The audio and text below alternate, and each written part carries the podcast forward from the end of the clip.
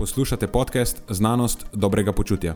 To je oddaja, v kateri odkrivamo, kako lahko znanost pomaga izboljšati vaše počutje in kako kritično razmišljanje omogoča sprejemanje dobrih odločitev na področju zdravja in fitnesa.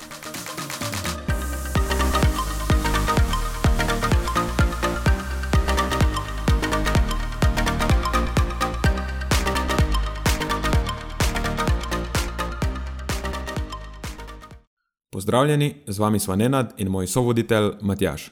V tokratni epizodi so na sporedu najprej moj Veganuary update in primer dobre prakse pobude Science Mamas Vaccine Forum.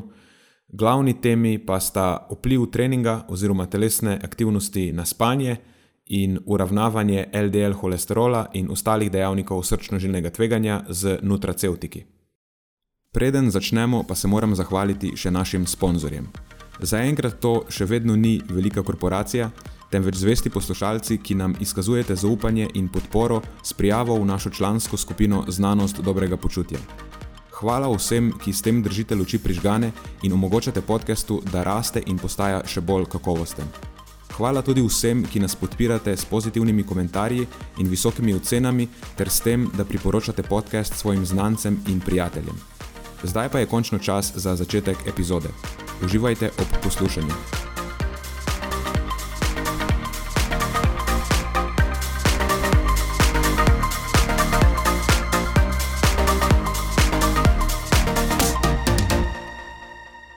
V redu. Povej mi, Renat, kako gre tvoj uh, January izziv, s čim se srečuješ, uh, te, kaj ti dela težave, kaj ti povzroča polemike, kaj gre dobro, kaj slabo? Mešane občutke imam. Okay, to je v bistvu boljše, kot sem pričakoval.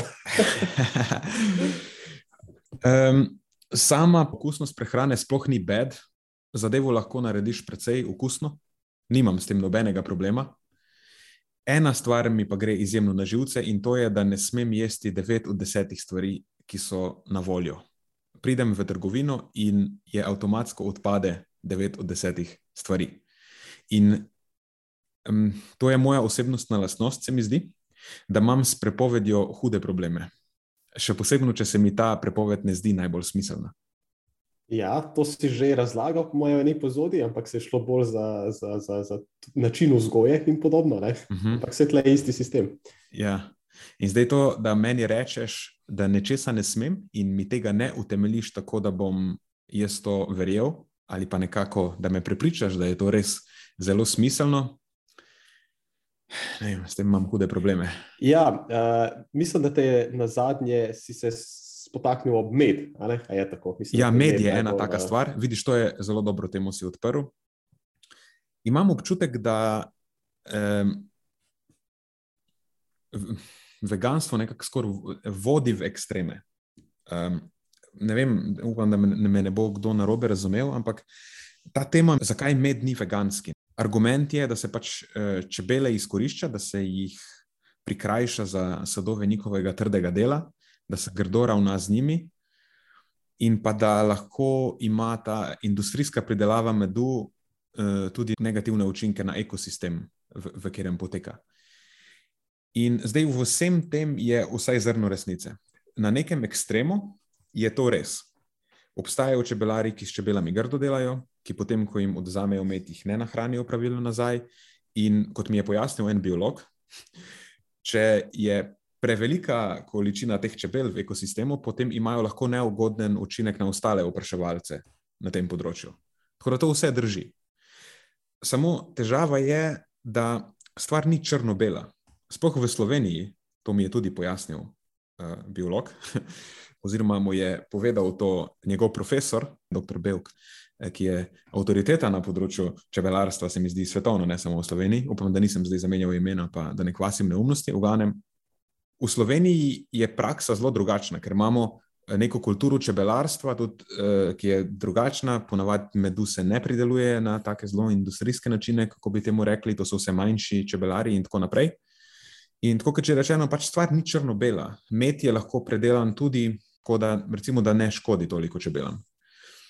Ampak, ok, razumem, kupim za enkrat ta argument, ok, vseeno se nekako izkorišča te čebele, vseeno se s čebelami ravna kot z živino, so neka vrsta, ki je umetno vzgajena, pa tudi ne, uh, selekcionirana za to, da prideluje med, in tako naprej. Tako da, recimo, da zdaj kupim, kupim nekako ta argument, da ta preostanek meseca ne bom jedel medu. Samo, uh, I do not appreciate this. Ne? Nekak, ne, ta pretiran črno-bel pogled na to, veš, da ne ločiš, ali je dejansko šlo za neko problematično prakso, ali ni, veš, to nekako mi ne, ne ni, ni mi blizu, ni mi blizu tak način razmišljanja. Zdaj, to, da neka tema o prehrani ni črno-bela, je za me izjemno šokantno, moram reči. Uh, jaz sem navaden, da je nekaj samo dobro ali pa samo slabo. Ne, hecam se, seveda. Uh, absolutno se strinjam, jaz tudi nekako ne najdem nobenega dobrega kontraargumenta temu, odkar si odprl to temo na zadnje. Um, Ja. ja, ker zadeva postane, hitro postane zelo spolsko pobočje. Težko potegneš pol neko ločnico. Veš. Lahko rečeš, ok, v redu. Vse je med, vsaj neko minimalno izkoriščanje teh živali, tu pa tam kakšna čebela umre, in zato se bomo meda izognili, ker med ni neka esencialna stvar, ki jo jaz rabim v prehrani. A veš, samo ker veganstvo jaz razumem kot moralni argument, predvsem. Ne gre se za zdravje, ampak gre se za to, da ti ne povzročaš drugim živim, v bistvu ne živim bitjem, ne moreš reči, ker vseeno ješ rastline, ampak nekim eh, živalim, ki lahko čutijo utrpljenje, pa ne, tako, ki so pač nam blizu, eh, potem. Uh, a veš, kaj pa pol druga področja, ko ne govorimo samo o prehrani. Če ti živiš vegan lifestyle, recimo, da voziš avto. Ko voziš avto, pobiješ kupenega mrčesa, najbrž tudi kako čebelo zbiješ. Eh, bog ne da, da povoziš ne vem, zajca ali pa ježa. Veš, tudi avto ni nekaj, kar ti rabiš. Se še lahko se s kolesom pelješ, ali pa greš peš v končni fazi. Uh, kako daleč bomo potem šli s tem? Zdaj, če jaz ne jem uh, meda, zaradi, ali pa izdelkov nekih drugih, recimo kot čebeli vosek, pa tako naprej, ki pač čebelarstvo rabim za to, da jih eh, pridobim.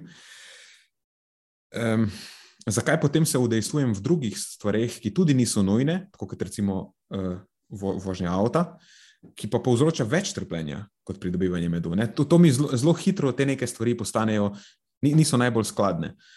Ja, ja manjka neka rdeča nit vsem skupaj. Ja, ker pač vožnja avta je lahko povzročila več trpljenja kot dejansko to, da jem med. In pol, če ne jem meda, zakaj potem se še zmeraj se vozim z avtom? In, jaz ko, v celoti lahko kupim ta argument, ki ga imajo v zvezi z živinorejo, oziroma s konvencionalno živinorejo. Tam res ni dobrih izgovorov. Okay. E, to kupim v celoti. E, samo na drugih področjih pa potem zelo hitro se mhm. ujamem v te neke. Mm, Napake, v, napake ja, v razmišljanju. Ja, in po, potem, veš, ko mi omejuješ stvari na podlagi teh nekih slabo razdelanih argumentov, pa spoh takih, ki temeljijo, ki niso spoh argumenti, ki temeljijo na miselnih napakah, pa v napakah v argumentaciji, mm, no to mi povzroča največjo težavo. Mm, s, tem, s, tem najbolj, ja, s tem se najbolj borim. Ena stvar, s katero se še borim, je to, da je težko zapakirati svojo prehrano tako, da podpira moje druge cilje, ki jih imam. Eh, načeloma je pač moja prehrana bolj bazirana na oglikovih hidratih, čist zaradi mojega življenjskega sloga in uh, tudi moje potrebe po beljakovinah, recimo zaradi moje, mojih ciljev, so uh, povišane in težko, težko žongliram s tem, da zadostim svojim potrebam po beljakovinah in da ne presežem vnosa maščob, ki je za me smiseln. Tako da to je pa še ena druga težava, s katero se najbolj soočam. Uh, je pa tako, kar se pa tiče okusa, ni nimam nobenih posebnih težav. Sprej, uvedel sem nekaj, bo temu rekla, hekov, ki je tako prijazna beseda. Jaz se sovražim, sicer, ampak da rečem temu tako, trikov. Ne morem verjeti, da si uporabil ta izraz. ja. Ker vem, koga, koga sovražiš. Uh, ker načeloma pač slanim obrokom, ki so pripravljeni izključno iz sestavin rastlinskega izvora, eh, manjka eh, ta neka globina okusa, manjka jim tisti umami, savory okus po mesu, rečemo temu. Uh, E, samo zadeva je v bistvu res zlahka rešljiva, tako ni, ni težko rešljiva. Imam eh, sicer namen posneti eno celo serijo Instagram storijev na to temo, ampak lahko tudi na tej točki to malo razčlenim, povem nekaj o tem. Uporabiš flavor enhancerje, kako bi temu rekla, živila, ki delujejo kot ojačevalci okusa. In mhm. en res game changer, kar se tega tiče, je ena magijeva omaka iz fermentirane koruze, mislim, da je. Eh, ali pa miso, ki je neke sorte pasta iz fermentirane soje, sploh tisti rumeni miso, ki je tako malo bolj blag, mi je super. In te dve zadevi lahko dajes v omake, v zelenjavne priloge in pa v ponaredke mesa. In to je res bomba. Uh, imam tudi en recept za tistimi sojnimi koščki, ki so razmaščeno sojno meso, tako suh, polpet sojn pride. Uh, in če to zadevo pokuhaš skupaj z mešanico sojnega napitka, sojnega mleka, temu rečemo, tudi, pa te ali misota ali te koruzne omake. In ga kuhaš, recimo, tako 10-20 minut, tako da izhlapi vsa ta tekočina, pa da jo to sojno meso, ki je sicer tako suho, privzame, eh, pa da nastane taka omaka, v bistvu dobiš nekaj, kar je neverjetno podobno nekemu kosu mesa. Uh -huh. Pač res sem bil presenečen in je res odličnega okusa in je res zelo dober vir beljakovin, ker ima na 100 gramov ta zadeva 50 gramov beljakovin in nekih par gramov maščobe. Edini problem je, da ima veliko vlaknin. In ugotovil sem, da če se omejim na pod 100 gramov tega izdelka na dan, kar je nekih lepih, če upoštevaš, da je zraven še sojin napitek, skoraj 60 gramov sojnih beljakovin, ki so relativno kakovostne, gre kar lepo skozi. Tako da to je zdaj moj, moja stalnica. Tvoj go-to meal. Ja. Uh, ja, ja, ja. Miso, miso je top. Uh, mislim, da je tako malo tako podcenjena stvar. Zdaj pa, kar se tiče okusa, je tako. No? Če imaš vsaj nekaj teh osnovnih kulinaričnih znanj, potem boš dobro preživel in na vse jedi prehrani, in na veganskem stilu prehranjevanja. Če pa pač nimaš, pa, pa mislim, da bo na obeh koncih trpelo. Veš, uh, ja, ok, se še malo bolj omejiš, seveda, kot vegan, ampak tudi ne bo ti tako lepo, kot vse je. Reč pa se ne vem, ne, da si ti namerno ali ne namerno uporabil izraz game changers. Jaz mislim, da se ti že tako podzavestno začenjaš malo spremenjati, uh, odkar si vegan. Tako da pazi na to, no? a veš, pod pozoren. Pozoren, ja, pozoren, da ne zaidem v kakšne ekstreme. Uh, dej, še eno stvar, dej, še eno stvar moram, še, kar se tiče flavor enhancerjev, je še en game changer. In to je pa kvasni kosmiči. Uh -huh. To je pa tako ekstra za en tak posip, lahko jih uporabiš kot recimo parmezano, uporabiš podobno. Recimo, da ima tak, spominjajo na en tak siren okus, ajde, če tako res pogledaš skozi prste.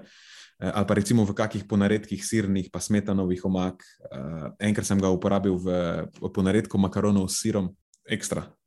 Top. In predvsej hranilna zadeva. Eh, hranilno zelo bogata, še posebej z B-kompleksom, če se ne motim. Cink, da, mislim, cink, da je tudi zelo ja. ja. Ej, če smo že pri siru, da povej nam še, kako, se, kako se znajdeš v restauracijah, ker uh, vezano na to, ko smo šli na zadnje, teč na spočeh in se me potem počastil pico. Uh, kako je to izgledalo? ja, naročim, naročim pico brez, brez sira. Um, zdaj, prišlo je do posebne komplikacije, ker Pa če naročiš neko pico, jaz sem naročil pico rukolo in potem moraš dati sestavine dol, ki so problematične. In v bistvu moje naročilo je izgledalo tako, da mislim, da sem naročil pico rukolo brez mozzarele, parmezana in slanine. In če hočeš nekaj dodati, sem rekel z čebulo in gobicami. in potem je tam natakar rekel, ok, kaj pa če bi vi meni raje povedali, kaj sploh hočete na pici, pa bo vzela testo in zdaj mi naštejte sestavine, ki jih pa lahko damo gor. Ja. Uh, na takarju ni bil všeč ta sistem dekonstrukcije in konstrukcije, on je samo hotel, da mi iz te osnove naredi nekaj, kar lahko. Ja, tako da to je pa zdaj praktično priporočilo. Ko greste na pico, rečete na testu, hočem imeti in potem našteje sestavine. Ja, to je to. Vsaj tam pri Jožici, v Krajinski gori, ta zadeva funkcionira. Tako in pa bodite pripravljeni na kakšen čuden pogled, ampak sicer so zelo ustrežljivi. ja, to je pa, če si čefur, to ni problem. Ne? Potem te čudni pogledi ne motijo, oziroma celo uživaš v njih. Ker si konstantno navaden. No, se, jaz sem ja. potem naročil sira za oba, oziroma za štiri druge ljudi, in, in mislim, da je bil Yin Yang. Ja, tako je. Uh, je pa še en pomemben update na tej točki. Prejšnjič smo rekli, da ne bom dodajal vitamina B12. Ampak sem ugotovil, da je to nemogoče. Opazil sem, da pogosto ti eh, spohsojni napitki ali pa kakšni jogurti, pa tudi žitarice, une za zajtrk, pa gumi bomboni celo včasih, uh mhm. -huh. ki so veganski, jim je dodan vitamin B12, so obogateni z vitaminom B12. Ja, sem bil je. Ja. pozitivno presenečen. Tako da tudi vegan, če si veš po nesreči, pa nisi se dobro pripravil in ne dodajaš vitamina B12 zraven, nekaj malega ga dobiš. Je pa tako, da nisem glih samo zavesten, da nekdo, ki temu ne posveča vsaj malo pozornosti, ne more, po moje, po nesreči. Vse ne bo pojedel toliko teh, tega sojenega napitka, mislim, da bi mogel tako liter na dan skoraj spiti tega. Ja, ja, res je. Še zmeraj se priporoča dodajanje vitamina B12, je pa vsaj nek baseline, minimalen vnos, vseeno očitno obstaja. Uh -huh. Ja, Na ja račun nek, teh- nek minimalac pokriješ lahko. Ja, tako. na račun teh uh, obogatenih izdelkov. Sicer pa veš, kateri je moj največji, najbolj bogat vir B12. Mlečni Manj so energijski napitki. A ja, okay. ja. Okay. Ok, to je, kar se tiče v- January updata. Tako, tako. Super. Uh, kaj, kar preidemo naprej na, na, na uh, današnjo science epizodo, nisva je še naznanila. Ja, lahko začneva s science delom, če glih imam eno A, aktualnost še na začetku. Ampak je science aktualnost, se mi zdi. Uh -huh, uh -huh. Na preverjeno zadnjič, to je bilo pred par dnevi, na zadnji epizodi, se mi zdi, je bil prispevek o tej uh, inicijativi, kaj so eh, Science Mamas Vaccine Forum. Uh -huh, uh -huh. To so te mame znanstvenice, ki eh, na družbenih omrežjih ozaveščajo o pomenu eh, cepljenja in moči znanosti. Uh -huh. In tudi mislim, da so eh, to leto dobile to priznanje Jabolko navdiha, eh, ki ga podeli predsednik republike, se mi zdi. Uh -huh. Eh, V glavnem, poimensko bi jih jaz kar izpostavil, ker se mi zdi res, res so dobra praksa. Uh, so ustanoviteljice, one, ki so prejele to jabolko navdiha, so Nataša Karas Kuželički, Simona Jurkovič Mlakar, Tijana Markovič, Jasna Omerzel, Martina Gobec in Lucija Ana Vrščaj. Potem pa sta se tem ustanoviteljicam pred kratkim pridružili še dve doktorici znanosti, Anja Pišlar pa Nina Graseli eh, Kmet. In točno ta zadnja, Nina, je v tem prispevku, ona je sicer specialistka infektologije in pa doktorica biomedicine, povedala par zanimivih stvari. In rekla je, da nekateri pacijenti, ki jih zdravijo tam, eh, celo popolnoma do konca, čist do intubacije, ne verjamejo, da virus obstaja in da ga zanikajo. Že, ki so v bolnišnici, še zmeraj ustrajajo pri tem. Zdaj ne vem, če me je to presenetilo ali, ali pa ne, samo zdelo se mi je, to se mi je zelo zanimivo. Eh, Ampak dobro, to je samo neka zanimivost, ki je mogoče mene malo zmedla ali pa sem si jo zapomnil. Kar se mi pa zdi pomembno, je pa to, da je izpostavila samo 15 do 25 odstotkov teh, ki pristanejo na zdravljenje, mislim, da je na intenzivi, je cepljenih. Pa še ti so večinoma ljudje s pridruženimi boleznimi. Tako da praktično nimajo ljudi, ki so cepljeni, pa bi bili prej neki zdravi posamezniki. In to je njen citat, ki sem si ga zapisal. Da načeloma zdravih ljudi, ki bi bili cepljeni in brez drugih dejavnikov tveganja, v intenzivni terapiji nismo zdravili. Okay. Zanimivo. Ja. Se je podotaknila potem tudi te skrbi glede nosečnic, uh, ki se mi zdi tudi aktualna. In spet je to njen citat, tukaj bo ga zdaj mogel parafrazirati, da je rekla, da uh, te nosečnice, ki so potrebovale mehansko predihavanje, so bile vse necepljene. In večina imajo z njimi zelo žalostne zgodbe. Enkrat, ki so jih pač mogli dati na predihavanje, eh, so imeli ali predčasni porod, mislim, da je bil tudi celo primer presaditve pljuč, potrebovali so zunaj telesni krvni obtok in, in tako naprej. Tako da, veš, tudi za nosečnice eh, je to, da so necepljene, lahko pač predstavlja precejšnje tveganje. Ja, si predstavljam. Ja. Jaz priporočam, zdaj, če ima kdo možnost ogled za nazaj, da si to epizodo pogleda. Uh, plus še ena zanimivost, ki bi jo izpostavil, to je pa nekaj, kar je po moje demonstracija učinkovite komunikacije znanosti. Mislim, eh, te punce, ženske so res, eh, mislim, da so večinoma pač ženske, eh, so res dober primer tega, kako to delati. Ker v tej njihovi skupini, ki je mednarodna, so baje ljudje iz 46 držav in uspodbujajo, da se jim priključijo tako zagovorniki cepljenja, kot dvomljivci cepljenja. In očitno komunikacija v tej skupini poteka presenetljivo spoštljivo. To pa zato, ker uspodbujajo spoštljivo komunikacijo. In se ljudje, tudi če so skupaj zagovorniki, pa dvomljivci, nekako se razumejo, znajo kulturno komunicirati. In to se, po moje, zgodi zato, ker se tam upoštevajo tudi dvomljivci. Ne? Tudi njihove argumente se naslovi kot legitimne in se potem one na njih korektno pa spoštljivo odzivajo. Um, in ena izmed njih, zdaj pozabil sem njeno ime, je dejansko rekla, da potrebno se je uživeti tudi v nekoga, ki se ne strinja s tabo, da je to ključno. Da če razumeš, zakaj on drugače misli, da mu boš potem lažje razložil te stvari, ki ga skrbijo. In to je ena stvar, ki jo mi dva že od začetka izpostavljava. To je tudi, mislim, da ena stvar, ki, v kateri smo v eni epizodi že prej govorila, da se je smiselno, tudi če zase želiš boljši argument zgraditi, obdajati z ljudmi, ki se s tabo ne strinjajo, ker obstaja verjetno zdaj, če imaš dober argument, potem boš tega človeka prepričal, če je pripravljen na ne, kulturno komunikacijo, če je prišel v dobri de veri debatirati. Ker imaš pač boljši argument in veš, ok, super, tvoj argument je boljši. Druga možnost je, da je, da je tvoj argument slabši, ima on prav in potem pač ti spremeniš mnenje in zdaj si ti na boljšem, ker te je prepričal v to v resnico. Zdaj veš resnico. Ne moreš izgubiti. Ja, in tretja stvar je, da tudi če nimaš dobrega argumenta, ampak v bistvu imaš prav, pomagaš zgraditi svoj argument skozi diskusijo z nekom, ki se s tabo ne strinja. Ne? Ti imaš sicer lahko prav, ampak ne znaš stvari dobro argumentirati in je to zate neka vaja, skozi katero zdaj ti njemu lahko probaš to zadevo predstaviti. In pač debatirata in en drugega izboljšujeta. Rečemo temu tako.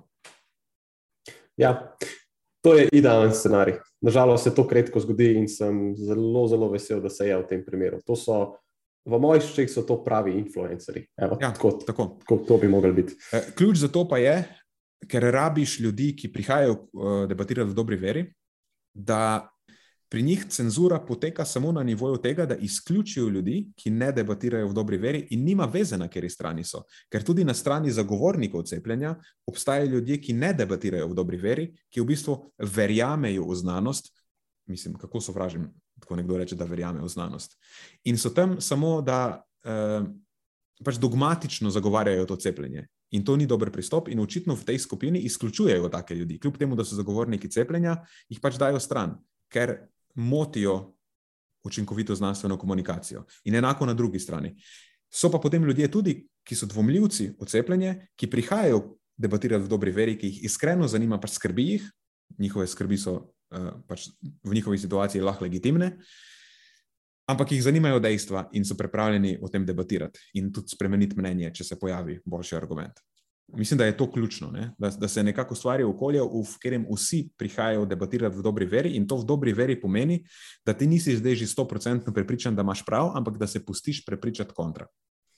Uh mhm. -huh. Mislim, da je to je pač predpogoj tega. Ja, tako. To je, kar sem jaz želel v aktualnostih uh, znakladati. Uh, Noč nisi nakladal. Pa prav si imel, uh, res se vklopil v znanstveni, v science segment. Okay. Dejva mi dva narediti spet sendvič. Jaz imam en dan, imam en daljši prispevek pripravljen, po nesreči. Eh, še par ur predtem nisem vedel, o čem bom govoril, in potem eh, mene dejansko zanima, ne, kot veš, eh, vpliv prehrane na kardiovaskularno zdravje, pa sploh na LDL, holesterol in tako naprej. In sem potem po nesreči zabredel v eno temo, ki je zna biti, da mi bo vzela kar nekaj časa, da jo razčlenim. ok, ok.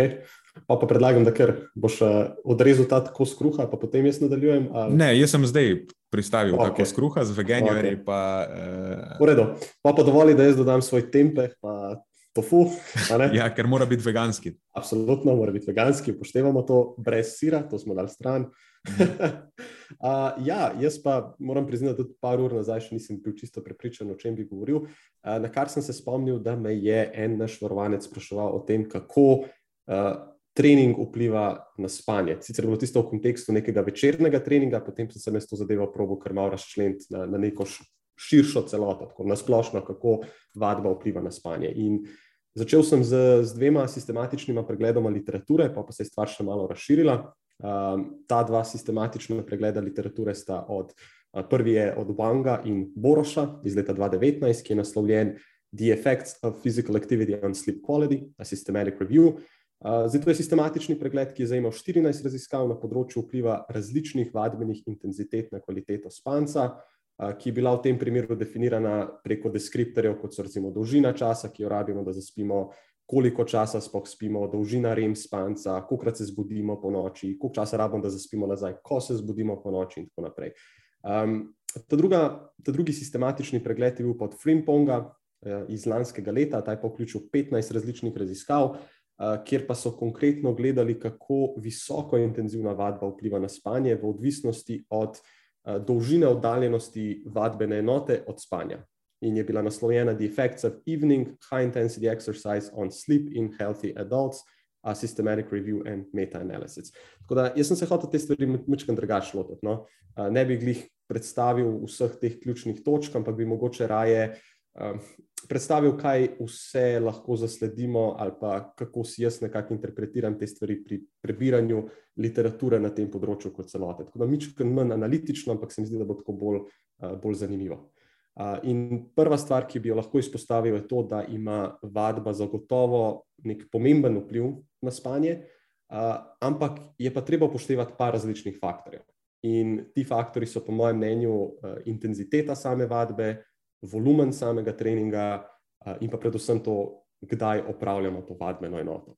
Pa še nekaj drugih malenkosti je tle začinjenih noter. Tako da, če bi začel samo intenziteto vadbe, lahko zasledimo, da vadba nižjih do srednjih stopnih intenzivnosti ima praviloma skoraj vedno pozitiven vpliv na spanje.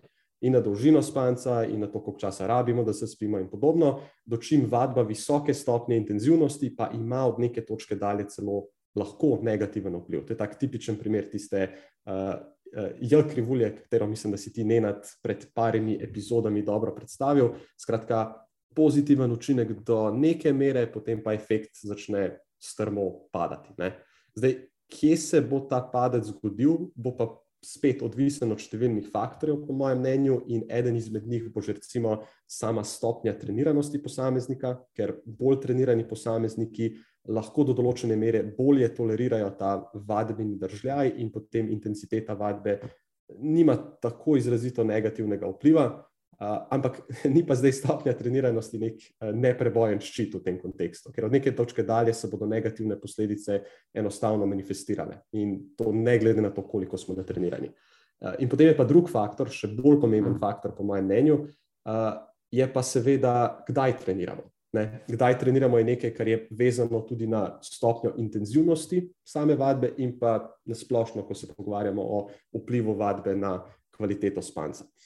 In tukaj zdaj črpam podatke iz te Frimpongove metanalize, tiste druge metanalize, ki sem jo preomenjal, ki pa kaže, da visoko intenzivna vadba načeloma nima izrazitega negativnega vpliva na subjektivno dojemanje kvalitete spanca, spet subjektivno dojemanje kvalitete spanca, če je narejena vsaj 4 ure pred spanjem. Torej, da je trening do tiste točke zaključen. Ampak so pa raziskovalci odkrili negativen vpliv na dolžino REM spanca za visoko intenzivno vadbo, ki je bila še vedno narejena v točki 4 ur pred spanjem. Tako da, uh, mogoče pozorne, tle imamo v mislih predvsem neko visoko intenzivno vadbo v hit stilu. Uh, če pa gremo na lažji sprehod, na nek lažji trening z bremeni, ali pa en krog z biciklom za pol urce, ne, okrog, uh, okrog bloka, to načeloma ne bo imelo negativnega vpliva, ne, tudi če je narejeno še bliže spanju kot 4 ure. Um, še ena zanimiva raziskava na tem naslovu od Ramos, Kampa in sodelavcev, ki je naslovljena Effects of Hour of Training and Exercise Intensity on Nocturnal Autonomic Modulation and Sleep Quality of Amateur Ultra Endurance Runners en tak mouthful od naslova. Le so pa merili, kako intenzivnost in čas v dnevu vplivata na spanje. Ne, prej predstavljena metanaliza je gledala predvsem to, kdaj opravimo visoko intenzivno vadbo, v tej raziskavi pa so spremljali vpliv različnega časa, kakor tudi različne stopnje intenzivnosti na spanje. In nepresenetljivo je bilo to, da je trening v prvi polovici dneva imel bistveno bolj ugoden vpliv na spanje, ne glede na stopnjo intenzivnosti vadbe, in da so bile minimalne razlike, če je bil ta trening upravljen v večernih urah, ampak z nižjo stopnjo intenzivnosti.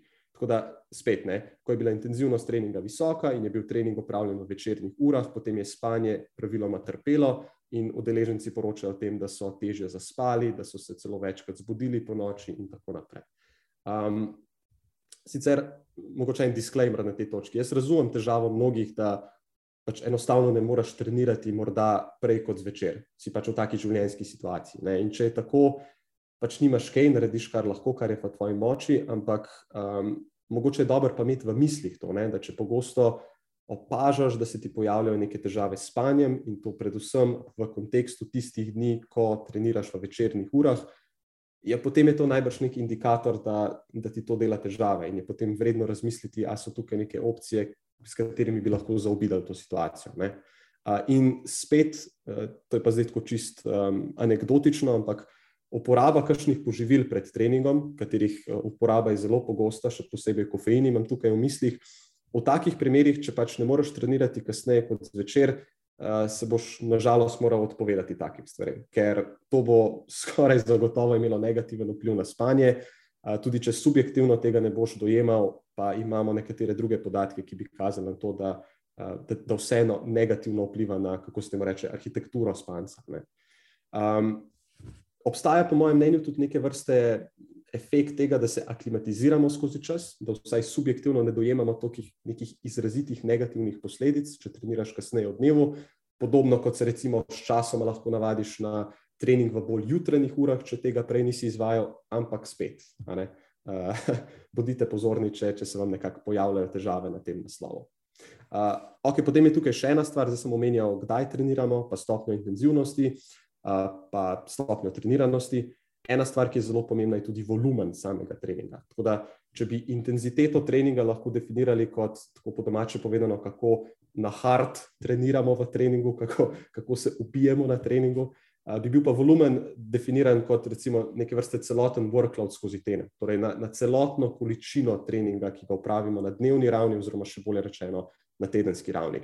In podobno kot v primeru intenzitete, tudi tukaj zasledimo načeloma koristen vpliv v primeru manjšega, oziroma še bolje zmernega volumnega treninga skozi teden, pa potem vedno bolj negativen vpliv v primeru zelo visokih volumnov treninga, katerih so morda lahko izpostavljeni kakšni profesionalni športniki ali pa pač posamezniki, ki se zelo, zelo radi ukvarjajo s športno aktivnostjo.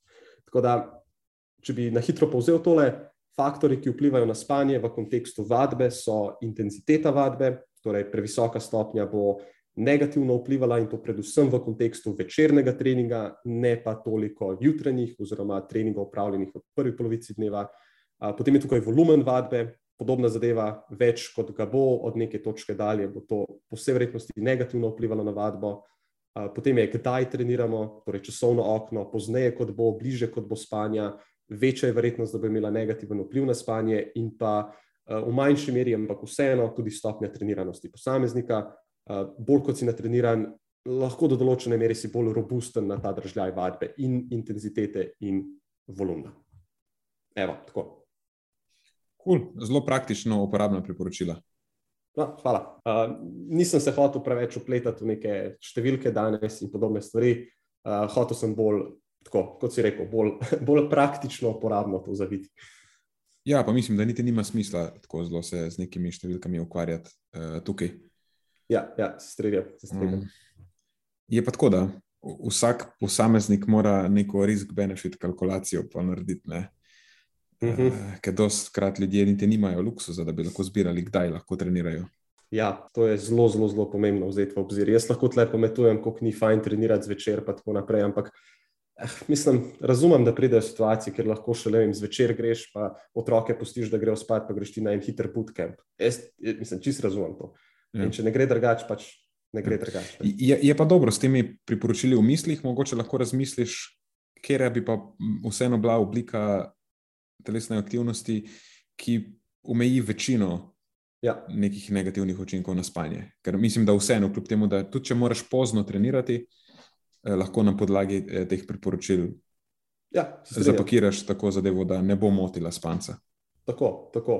Pa mogo, nisem, mogoče še, še eno tako praktično priporočilo, dobro se je obneslo pri, spet pri eni naših varovanki. Um, enostavno zamenjala je te visoko intenzivne vadbe, ki jih je imela ob kakšnih večernih urah na vikend, takrat, ko je imela malo več časa, pa ni nujno bilo, da gre trenirati zvečer. Um, dočim neke lažje aktivnosti je pa še vedno ohranila skozi teden in v večernih urah. In to je se je zelo, zelo dobro poznalo na sami kvaliteti spanca. Super. Ja. Evo ga, okay. beljakovinska porcija sendviča, veganska beljakovinska porcija sendviča, upravljena. Odlično. Potem pa imamo zdaj še drugi del kruha. Uh mhm. -huh. Tema mojega segmenta je pa, ali lahko z nutracevtiki znižamo ravni LDL holesterola. Um, to pa je tema, ki ti je pisana na kožo. recimo, nisem se predtem nekaj zelo poglabljal v nutracevtike, vem tako površno, jih poznam, pa tudi poznam priporočila, ampak nisem se poglobil, no zdaj smo to popravili. Uh mhm. -huh. Najprej mogoče, kaj sploh so nutracevtiki, ker mislim, da v slovenščini to ni tako pogost izraz. Gre pa, izraz je podoben kot funkcionalna hrana. ne, sestavljen je iz besed nutrition za prehrano in pharmaceutical kot far, farmacevtski oziroma farmacevtsko sredstvo. In te nutraceutiki so izdelki, lahko so prehranska dopolnila, lahko so živila, ki so jim dodane sestavine ali pa posamezna hranila, ki imajo neko dokazano biološko aktivno delovanje, oziroma da vplivajo na relevantne dejavnike tveganja. Rečemo temu tako, ne vem, če je čisto pravilna definicija, ampak good enough. No, jaz sem za osrednji del vzel članek Cicera in sodelavcev iz 2020. Naslov je Randomized Double-Blinded Placebo-Controlled Clinical Study of the Effects of a Nutraceutical Combination. Levelib Duo je trademarked dopolnilo, ki so ga uporabljali. On LDL cholesterol levels and lipid pattern in subject with suboptimal blood cholesterol levels. Not call study, so dal kratico. Ok, Nenad, zmagaš, uradno zmagaš današnji, uh, današnji mouthful raziskava. Je, to, mislim, da bi mogla to talati vsakič na teh. Ja, ne bom ga sploh prevajal v slovenščino. Uh, v glavnem šlo je za randomizirano, dvojno slepo, uh, posebno kontrolirano klinično raziskavo, kjer so preverjali ta levelib duo, kako vpliva na LDL holesterol, pa na neke druge kardiometabolne dejavnike tveganja, in to pri ljudeh z nekimi suboptimalnimi ravnmi holesterola v krvi. No, vse v bistvu sem ga zdaj prevedel. Ampak ok. Uh, zadeva je bila objavljena v Nutrients, to je revija MDPI, tako da tukaj sem se mal. Eh, najedel sem se zarečenega kruha, ker sem rekel, da bi mogoče prepovedal, da govorijo o teh člankih. Ampak, lej, tako maso člankov objavljajo, da tu pa tam se res znajde kak dober in pač tam je bil všeč. Tako bil mi je všeč. No?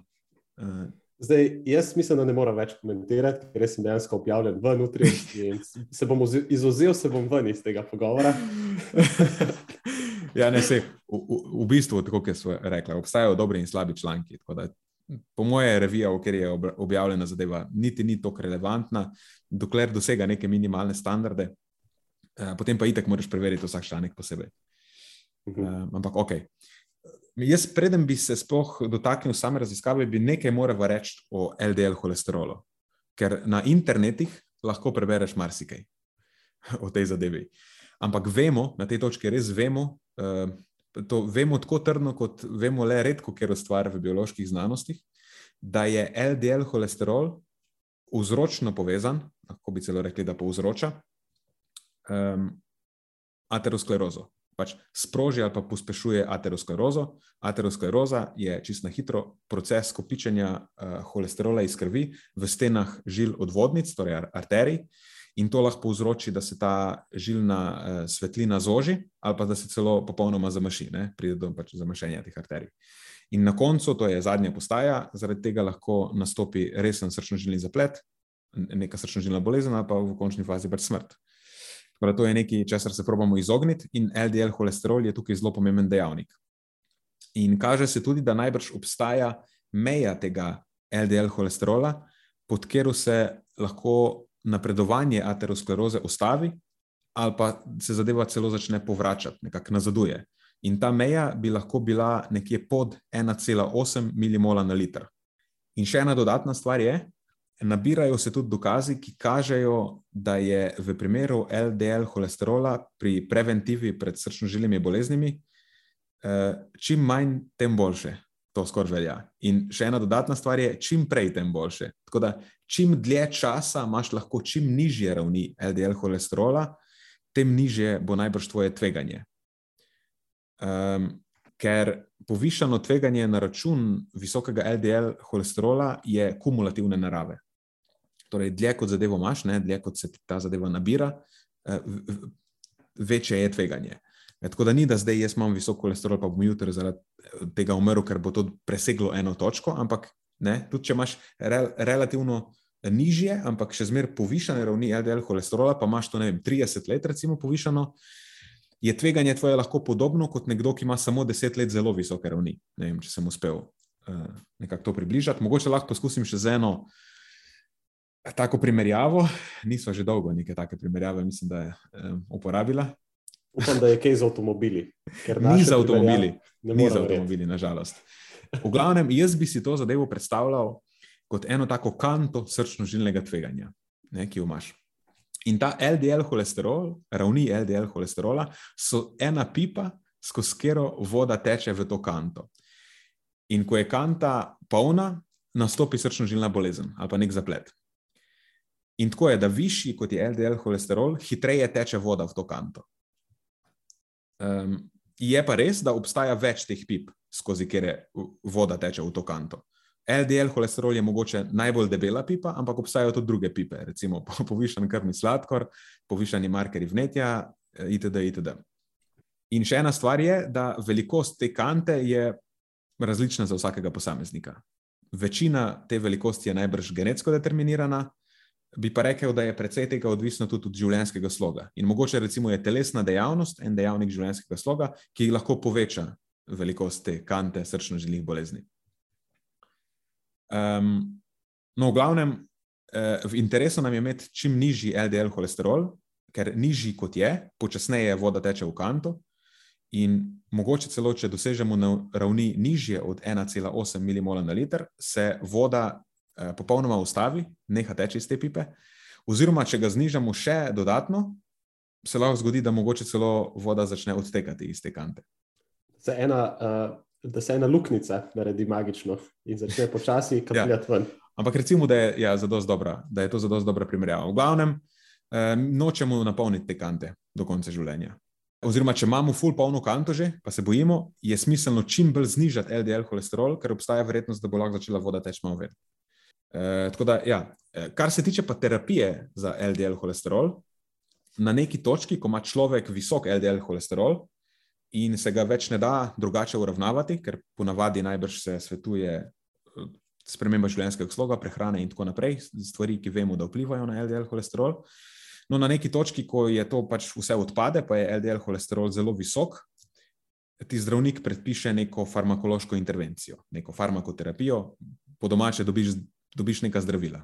In ena, ena, ena sorta zdravil, ki se uporabljajo, so statini, recimo.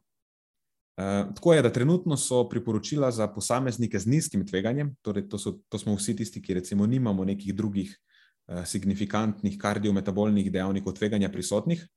Za nas se svetuje, da vzdržujemo ravni LDL holesterola pod 3 mmol na liter. In to počnemo pretežno s pomočjo primerne prehrane, pa dejavnikov življenjskega sloga, oziroma skozi aktiven, oziroma dejaven življenjski slog. In to 3 mmol na liter je tudi tista zgornja meja nekakšnih referenčnih vrednosti. Če opraviš eh, analizo krvi, eh, ne vidiš, če je previsok, je čez te 3. Govorimo za LDL holesterol. Um, no, je pa tako, da eno obstaja neka siva cona, kjer se še ne kvalificiraš, da ti zdravilo eh, predpišajo. Um, plus si pa že čez te, ali pa na zgornji meji teh 3 mmol na, na liter, pa, pa je tako, ne, kaj bomo pa zdaj, ali bomo s prehrano, ali bomo s, čim, s čimer drugim. In dejansko na področju prehrane obstajajo določena živila, pa izdelki, ki jih uvrščamo v to skupino funkcionalnih živil, ali pa rečemo temu nutraceutikov, ki bi lahko na LDL holesterol vplivali preko podobnih mehanizmov, kot na LDL holesterol vpliva večina zdravil za uravnavanje holesterola v krvi. In to je ta glavni mehanizem, je preko LDL receptorjev. Mislim, da tri, ali pa dve sta v bistvu zadevi, ki imata največ, največjo težo dokazov. Ena je pa tako, ki se bo mogoče pokazala. Prva je rdeči fermentirani riž, ta vsebuje te naravno prisotne, ki so statinom podobne snovi, monakolini jim rečejo. Mehanizem delovanja je, da inhibirajo beta-hidroksi, beta-metilglutaril, koencim A reduktazo. E, to pa povzroči, da se zavre sinteza holesterola v jetrih. E, druga stvar so pa fitosteroli. E, fitosteroli so pa holesterolo podobne molekule, ki jih najdemo v živilih rastlinskega izvora, to so pretežno rastlinska olja, oreščki, žitarce, stročnice. Delujejo pa tako, da inhibirajo reabsorpcijo holesterola v prebavilih. Ne? Tisto, kar se izloči z, skozi žolč, potem ne privzame se več, ampak se izloči z blatom. In Ta zadeva pa deluje na podoben način, kot deluje eno drugo zdravilo, ezetimib, mislim, da je po slovensko, ezetimib, po angliško, če sem prav izgovoril. No, tretja stvar pa so potem še polikozanoli. Uh, to pa v bistvu ne poznam niti dobro. V bistvu gre za sladkorne alkohole iz neke zadeve, ki se ji reče sugarcane wax, um, nek vosek sladkornega trsa. In izgleda so, so pokazali, da lahko znižajo skupni holesterol. Zaenkrat ni nekih tesnih povezav z LDL holesterolom, eh, pa tudi mehanizma zaenkrat še ne poznamo. Eh, možno je pa, da ali zavirajo spet sintezo holesterola ali pa pospešijo prevzem v jedrih. Um, no, tako fitosteroli kot rdeči fermentiran riž, če gledamo na splošno literaturo, kažejo večinoma časa, da lahko znižajo ravni LDL holesterola nekje v razponu med 10 do 20 odstotkov. In tako skupen mehanizem obema tema zadevoma je eh, povečano izražanje LDL receptorjev.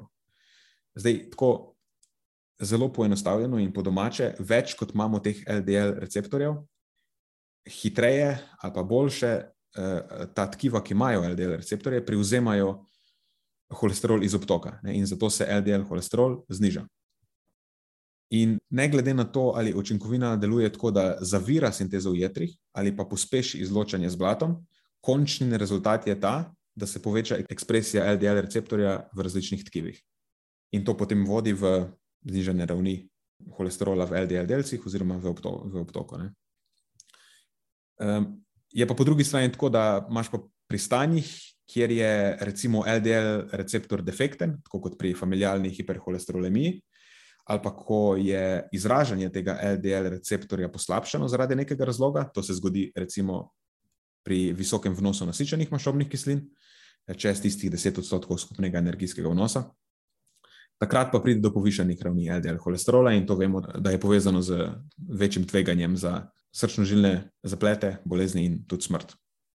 Tako da zdaj pa mislim, da imamo zadost podlage, da se dotaknemo konkretno te raziskave Cicera in uh, sodelavcev, ki je bila imenovana Nadkol raziskava in ki je testirala učinek tega patentiranega dopolnila Levelib Duo pri udeležencih z zmerno povišanim LDL holesterolom.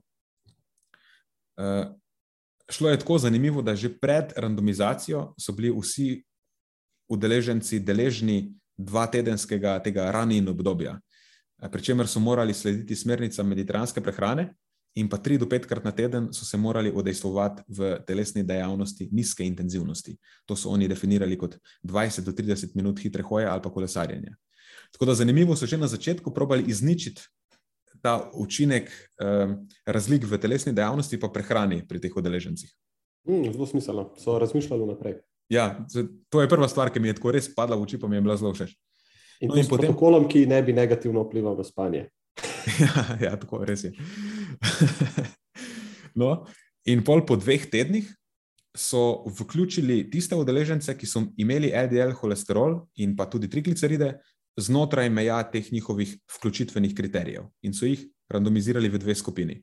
Prva je bila skupina z intervencijska, z Levelib Duo, ta levelip duo vsebuje 800 mg fitosterolov, 5 mg monakolinov iz tega rdečega fermentiranega riža, 27 mg niacina in 10 mg polikozanolov. Tako da so prokrili vse baze. In potem je bila ne, druga skupina, placebo skupina, ki je enako tableto jemala, samo da pač ni imela nobene učinkovine noter. In obe dve skupini sta jemali eno tableto po večerji. To je bil protokol. Intervencija je trajala 8 tednov, meritve so potekale na izhodišču, torej po teh dveh tednih ranjena, po 4 tednih pa po 8 tednih. In primarni izid je bil, kot smo že rekli, LDL holesterol, potem pa so bili še sekundarni izidi, ta ne HDL holesterol, apolipoprotein B, skupni holesterol in pa drugi kardiometabolni dejavniki tveganja, eh, telesna masa, obseg pasu, krvni tlak, pač vse te relevantne stvari. Eh, tukaj bi jaz izpostavil med sekundarnimi izidi še eno stvar, mi, na katero sem vse jaz bil zelo pozoren, eh, kar me je poleg LDL holesterol najbolj zanimalo, in to je ApoB, apolipoprotein B, ker spet tako na hitro pa karikirano gre za indikator števila LDL delcev. Ker vzročno upleten v razvoj ateroskleroze ni sam, ni sam holesterol, ampak število LDL delcev. V večini primerov sta ti dve številki eh, konkordantni, skladni. Pomeni, da če imaš visoke ravni LDL holesterola, to najbrž pomeni, da tudi imaš veliko število LDL delcev. No, ampak pri nekem deležu, recimo okoli 20 odstotkov, se mi zdi, se te zadeve lahko razhajajo. Lahko imaš malo povišen LDL holesterol, pa nimaš povišenega števila LDL delcev. oziroma vsaj ne do te mere kot večina ostalih, z podobno povišanimi ravnmi LDL holesterola. No, če pa recimo spremljaš oba dva dejavnika, pa pride tako do znižanja LDL holesterola, kot do znižanja ApoB, no potem si po mojem lahko precej samozavesten, da se je tvoje tveganje za aterosklerozo in kasneje za srčno-žilne bolezni tudi dejansko znižalo. Tako da s tem tudi pridemo do rezultatov. Mogoče sem še to, da neka, neke karakteristike teh udeležencev predstaviva. Srednja starost je bila 51 let, mm, tako da recimo neki ljudje srednjih let niso bili še stari. 38 je bilo moških in 47 je bilo žensk. E, približno enakomerno so bili razporejeni v skupine, tako da tukaj ni bilo nekih e, hudih odstopanj. Pa tudi še ena zanimivost je, kar je dejansko pomembno za interpretacijo, da kardiometabolni dejavniki tveganja so bili v izhodišču med skupinama zelo, zelo podobni. Tako srednji LDL holesterol je bil pri intervencijski skupini 4 milimole na liter, pri placebu pa 4,1 milimole na liter. Tako da zelo podobno. Ja, odlično.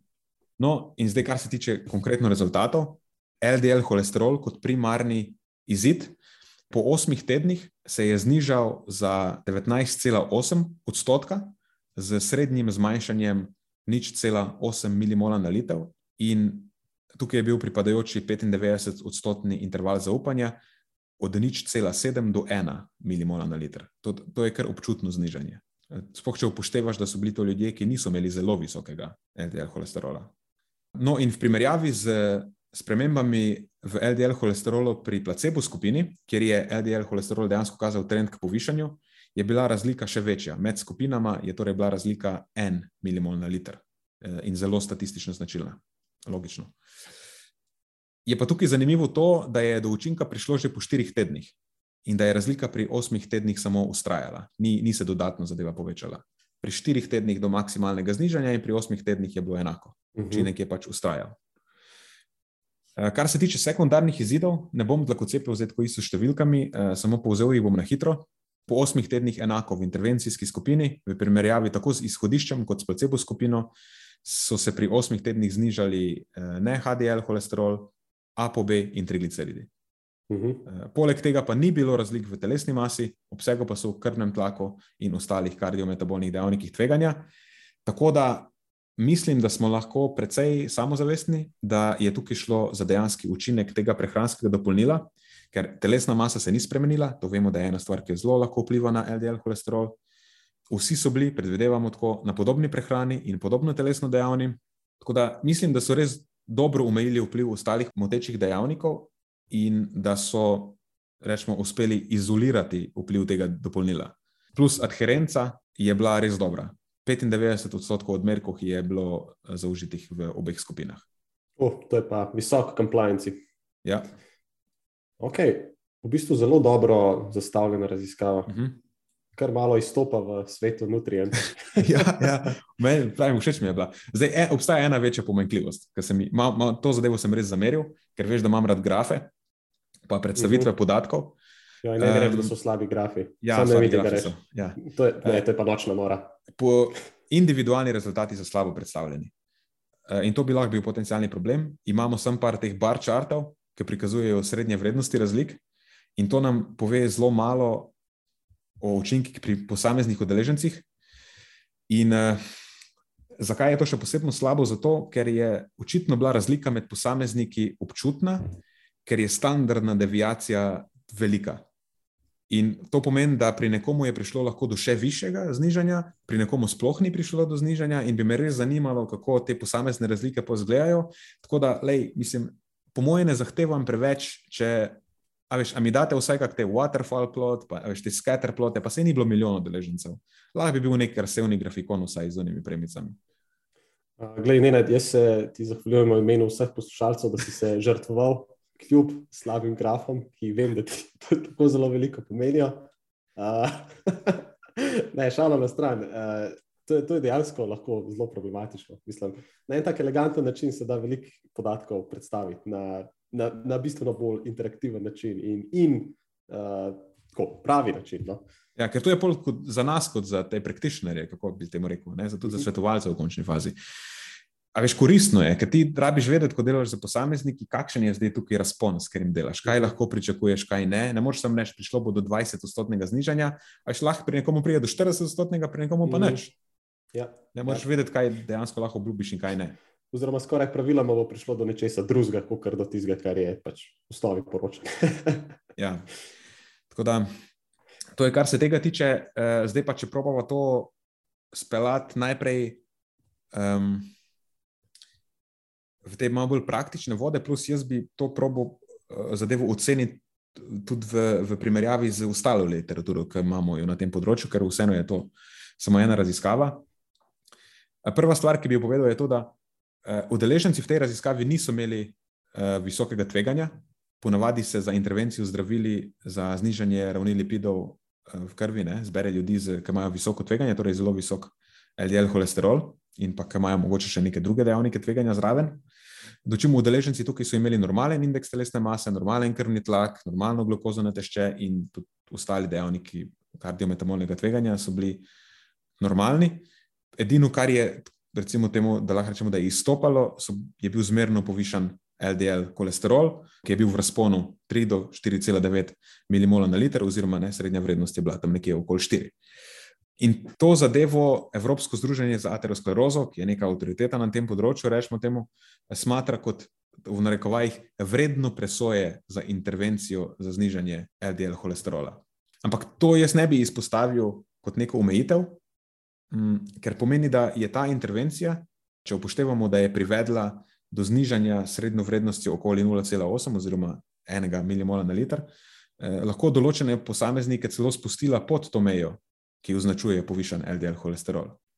Je pa tako, da ne vemo, kako to znižanje LDL holesterola dejansko vpliva na tveganje za srčno-žile bolezni, ker zato bi potrebovali neko večjo, pa dlje trajajočo raziskavo, ki bi merila tudi dejanske te hard outcomes, ne, trdne izide po nekaj letih. Torej, morala bi meriti tudi število zapletov, idealno tudi število smrti, ne pa samo dejavnike tveganja, kot so LDL holesterol, pa ApoB in tako naprej. Kar se tiče pa teh zanimivih najdb, pa, ki so tako zdaj bolj praktično relevantne, je pa tako, ne, vemo, intervencija je do maksimalnega znižanja v LDL holesterolu privedla že po štirih tednih in po osmih tednih ni bilo nekega dodatnega znižanja. Podobno je bilo tudi za ApoB in skupni holesterol. Tako da lahko slutimo, da učinek očitno ustraja.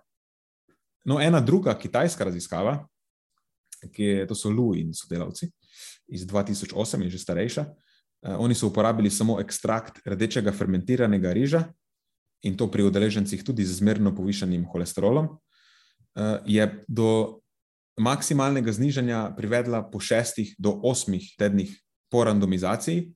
Tam je prišlo iz znižanja iz 3,3 na 2,7 mmol na liter.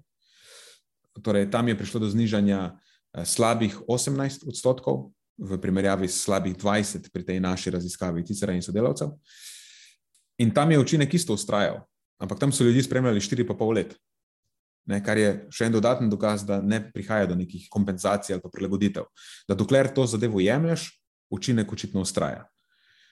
Kar se tiče pa samega tveganja za srčno-žilne bolezni, ali pa recimo, kar si lahko upamo nekako sklepati, na tem področju imamo še eno metaanalizo o učinkih fitosterolov na znižanje holesterola, ki kaže poprečno znižanje ravni LDL holesterola za 12 odstotkov in kaže tudi očitno razmerje odmerka učinka tam do 2 grama.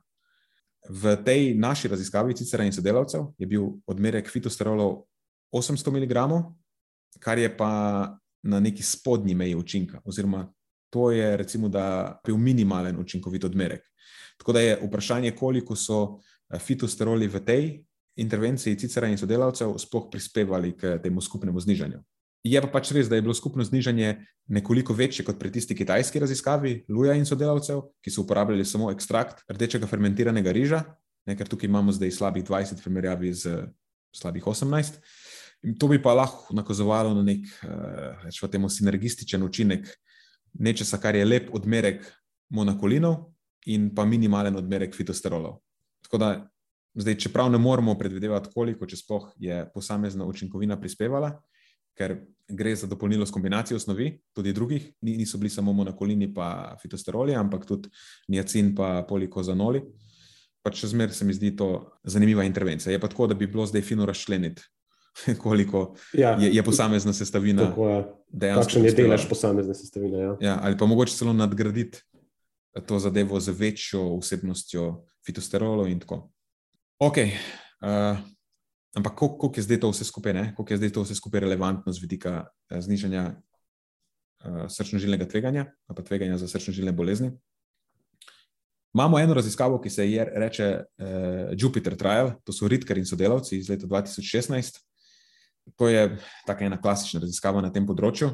In na podlagi te raziskave vemo, da celo pri ljudeh, ki so že dosegli nizke ravni LDL holesterola in ApoB, in so potem za dodatno terapijo statini še dodatno znižali svoje ravni LDL holesterola ali pa ApoB za med vsaj 1 do 50 odstotkov, da pri njih pride do okoli 39 odstotnega znižanja tveganja za srčno-žilne bolezni, če gledamo znižanje LDLC, in do okoli 50 odstotnega znižanja tveganja, če gledamo ApoB, torej znižanje v ApoB. In to znižanje tveganja uh, se je pokazalo kot linearno. Bolj kot se znižata LDL, holesterol in ApoB, bolj se zniža tveganje za srčne žilne bolezni. Tako to je en precej močen dokaz za to. In zdaj na podlagi tega bi lahko sklepali, da bi bilo okoli 9 oziroma 19 oziroma 20 odstotno znižanje v ravneh LDL holesterola in 15 odstotno znižanje ApoB, ki ga je pokazala ta intervencija v raziskavi Cicera in sodelavcev, dejansko učinkovita tudi za znižanje tveganja za srčno-žilne bolezni, če bi se ta raziskava nadaljevala dlje časa, recimo nekaj let, in bi merila tudi srčno-žilne zaplete, oziroma idealno smrt iz srčno-žilnih vzrokov. In če se zdaj na tej točki vrnemo nazaj na tisto kitajsko raziskavo Luja in sodelavcev, ki so samo monakoline sicer dajali podobni populaciji za dlje časa, štiri leta pa pol, in so dejansko merili tudi umrljivost zaradi srčno-žilnih bolezni, se je pokazalo, da tisto slabih 18-odstotno znižanje ravni LDL holesterola se je dejansko prevedlo v 30-odstotno znižanje za umrljivost zaradi srčno-žilnih bolezni.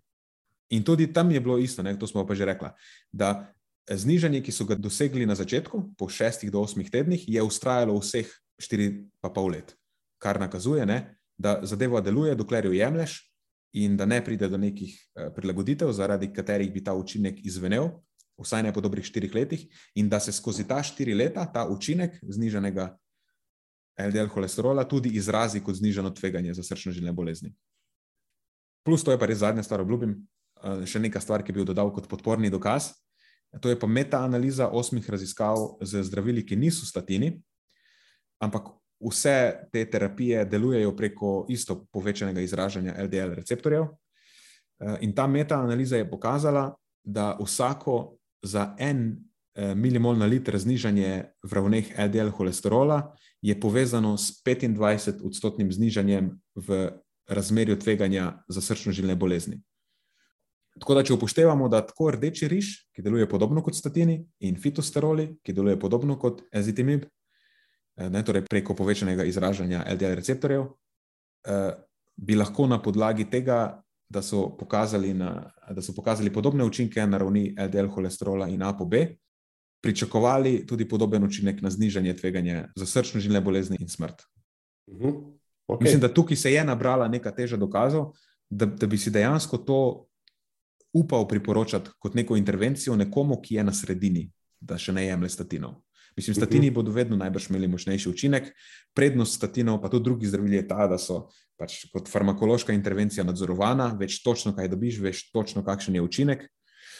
Um, ker če govorimo zdaj tukaj konkretno o aplikaciji v prakso, uh, smernice Evropskega združenja za aterosklerozo, ki so ga prej že omenila, iz 2019, precej sveže, pravijo, da bi ta prečiščen rdeči fermentiran riž z nekim dnevnim odmerkom 5 do 10 mg monokolinov, teh 5, recimo, je spodnja meja, spet, ki je bila v našem uh mhm. -huh. dopolnilu eh, lahko koristil posameznikom s povišanim LDL holesterolom, ki se še ne kvalificirajo za to farmakoterapijo, ne, torej za tistim, ki še ne prejemajo zdravil.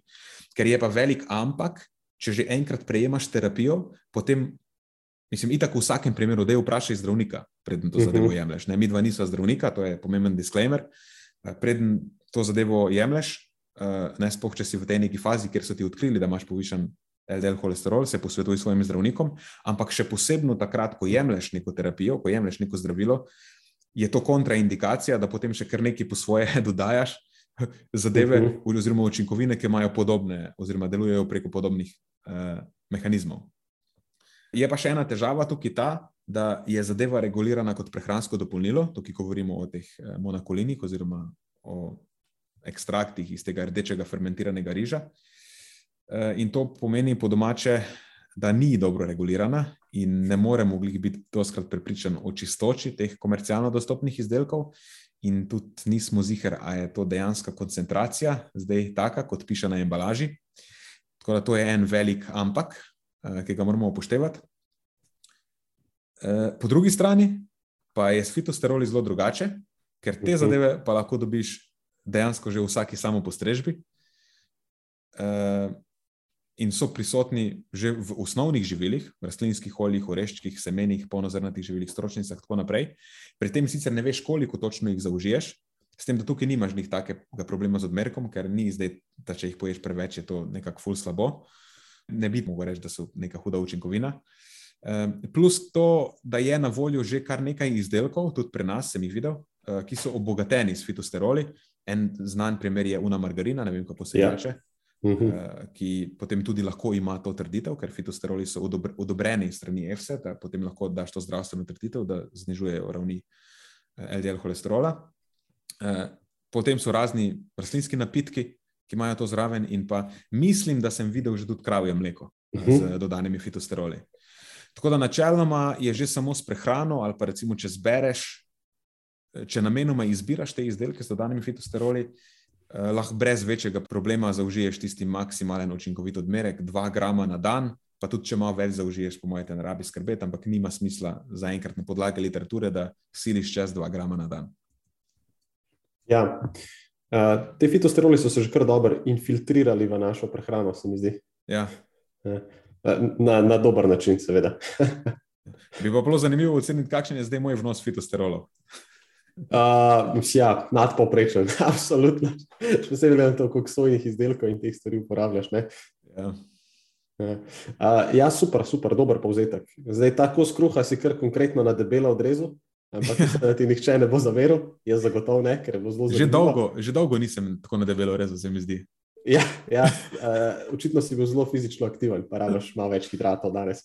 Uh, to, to je bilo v bistvu moje vprašanje, ja, ker fitosteroli je nekaj, kar lahko zasledimo v komercialnih, komercialnih trgovinah. Ne. Rdeč fermentiran riž pa ne morem reči, da je nekaj, kar sem zasledil pravzaprav kjerkoli. Torej, kot ekstrakt se ga dobi kot ja, dopolnilo. Ja, kot prehranska dopolnila, mislim, da ga uh -huh. imaš tudi v lekarnah dobiti. Uh -huh, uh -huh. Um, ja. okay. da, če, bi, če bi podala neko priporočilo, jaz bi svetoval ne, za te ljudi, pravim, najprej se vzemite, zdaj to moje priporočilo, pa ga neste k svojemu zdravniku, ne ga kar upoštevate. Uh mhm. -huh. Ampak vprašajte zdravnika. In to tudi, mislim, sej, v, vsakem primeru ga vprašajte, ampak načeloma je ta zadeva odsvetovana nekomu, ki je že na terapiji. Okay? Uh mhm. -huh. To je pač neka stvar, ki jo bo mogel zdravnik uravnavati. Zdaj, če pa je nekdo vmes, pa ne jemlje zdravila ali pa jih noče, no potem pa pejte zdravnika vprašati, kaj si misli o mojem priporočilu, ki je na podlagi literature. In bi jaz svetoval vnos teh monokolinov iz rdečega fermentiranega riža, ki je nekje nad 5 mg, pa pod 10 mg, recimo, da je neka doza 8 mg, kaj pa jaz vem, plus vsaj gram, idealno 2 grama fitosterolov. Uh -huh. To bi bil nek moj stek uh -huh. na mhm. podlagi trenutne literature za nutracevtsko znižanje ravni LDL holesterola. Tako. In to bi bilo najbrž nekaj, kar bi se opadalo tudi z, z drugimi intervencijami. Torej, če imamo nekoga, ki kaj, ima recimo prekomerno zamaščenost, telesno ja. maso, je nekaj, kar bomo v prvi liniji se s tem ukvarjali, Tako. ukvarjali se bomo z nasičenimi maščobami uh, in seveda pa odvisnosti od situacije. Pač statini in podobne stvari. Ne. Nekaj, kar pa neodvisno od česar koli, bo imelo pozitivne učinke, ali pa kar je precej dosledno povezano z znižanjem ravni LDL holesterola, je omejen energijski vnos, uh mhm. -huh. torej izguba odvečne maščobe, povišena telesna dejavnost, pa znižen vnos nasičenih maščobnih kislin. Uh -huh. uh, prva meja za znižanje vnosa nasičenih maščobnih kislin je 10 odstotkov, 9 odstotkov mogoče, vse, kar je še pod to, bo imelo še dodatni učinek. Uh, to je zdaj sicer samo anekdota, ampak preizkušeno na lastni koži. Ja, ja tvoj case study je bil zelo dober, zelo zanimiv.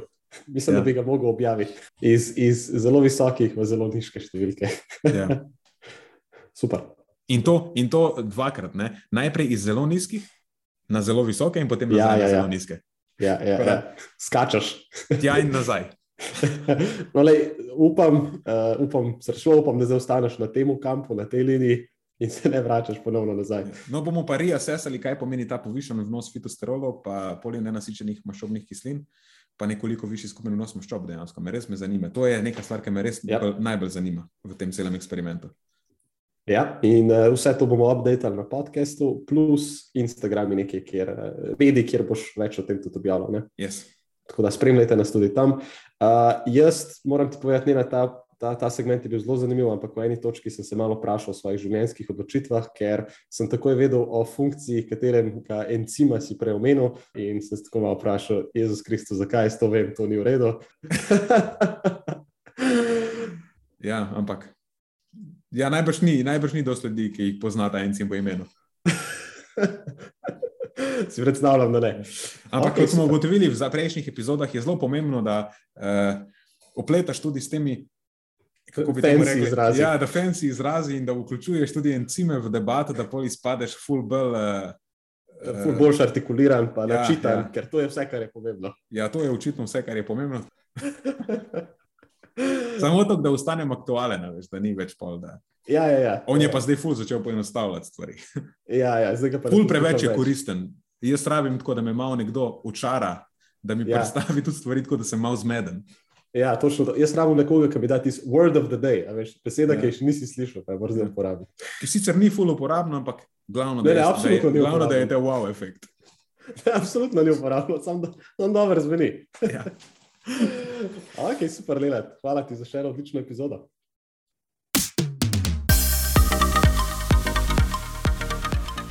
To je za tokrat vse iz naše strani.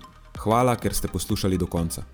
Delite epizodo s svojimi znanci in prijatelji in jo priporočajte dalje, saj s tem omogočite, da sporočilo znanost dobrega počutja doseže čim večjo množico.